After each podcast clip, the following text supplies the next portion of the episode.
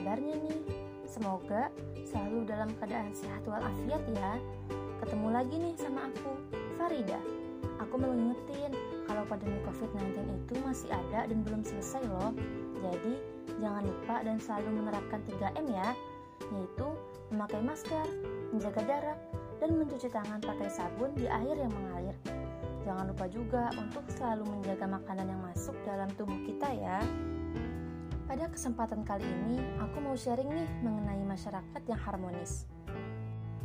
Masyarakat yang harmonis tuh masyarakat yang kayak gimana sih?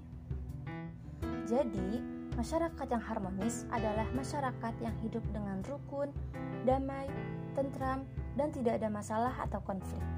Salah satu cara yang dapat dilakukan untuk mewujudkan masyarakat yang harmonis yaitu dengan membangun hubungan yang baik sesama manusia atau hablum minannas.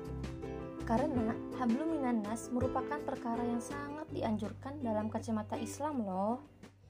Oh iya, sebagai seorang muslim, kita tidak hanya berhubungan baik kepada sesama muslim saja ya, tapi kita juga harus berhubungan baik dengan umat beragama lainnya agar terwujudnya keharmonisan umat beragama. Mengingat di Indonesia ini ada enam agama yang diakui oleh pemerintah. Jadi, kita harus menjaga hubungan baik kepada sesama manusia tanpa memandang apa agamanya demi keutuhan bangsa Indonesia. Keharmonisan umat beragama adalah suatu bentuk sosialisasi damai yang tercipta berkat adanya toleransi beragama. Hmm, toleransi beragama apa sih itu? Dalam bahasa Arab, toleransi disebut juga dengan tasamuh. Tasamuh berarti membiarkan sesuatu untuk dapat saling mengizinkan dan saling memudahkan.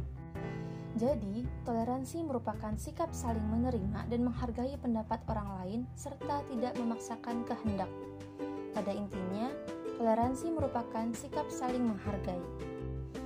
Toleransi merupakan sikap yang sederhana, tetapi mempunyai dampak yang besar dan positif bagi keutuhan bangsa Indonesia pada umumnya dan keharmonisan bermasyarakat pada khususnya loh. Nah, jadi toleransi beragama adalah toleransi yang menyangkut keyakinan yang berhubungan dengan akidah. Maksudnya, sikap lapang dada untuk memberikan kesempatan bagi penganut agama lain untuk beribadah sesuai dengan keyakinannya. Prinsip dalam toleransi antar umat beragama yaitu tidak boleh adanya paksaan. Setiap manusia berhak memilih dan memeluk agama yang diyakininya serta beribadah sesuai dengan keyakinannya dan tidak memaksa seseorang untuk memeluk agama tertentu.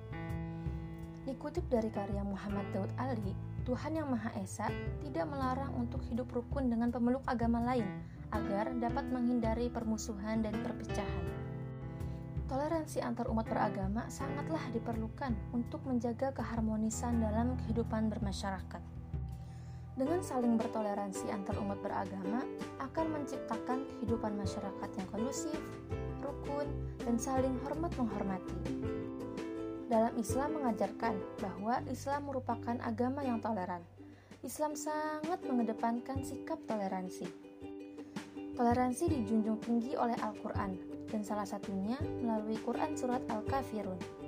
Surat ini dikenal dengan kandungannya yang mengajarkan kita untuk bertoleransi antar umat beragama. Dalam kitab suci Al-Quran diperintahkan untuk menghormati penganut agama lain, namun tetap mempertahankan akidah yang diyakini, seperti dalam potongan akhir surat tersebut, yang artinya, Untukmu agamamu, dan untukkulah agamaku. Jika tidak ada toleransi, maka tidak ada ketenangan dalam beragama dan keharmonisan dalam bermasyarakat. Cukup sekian yang dapat saya sampaikan. Terima kasih teman-teman pendengar. Semoga bermanfaat ya. Dan mohon maaf kalau ada salah-salah kata. Sampai jumpa lagi di lain kesempatan. Bye. Assalamualaikum warahmatullahi wabarakatuh.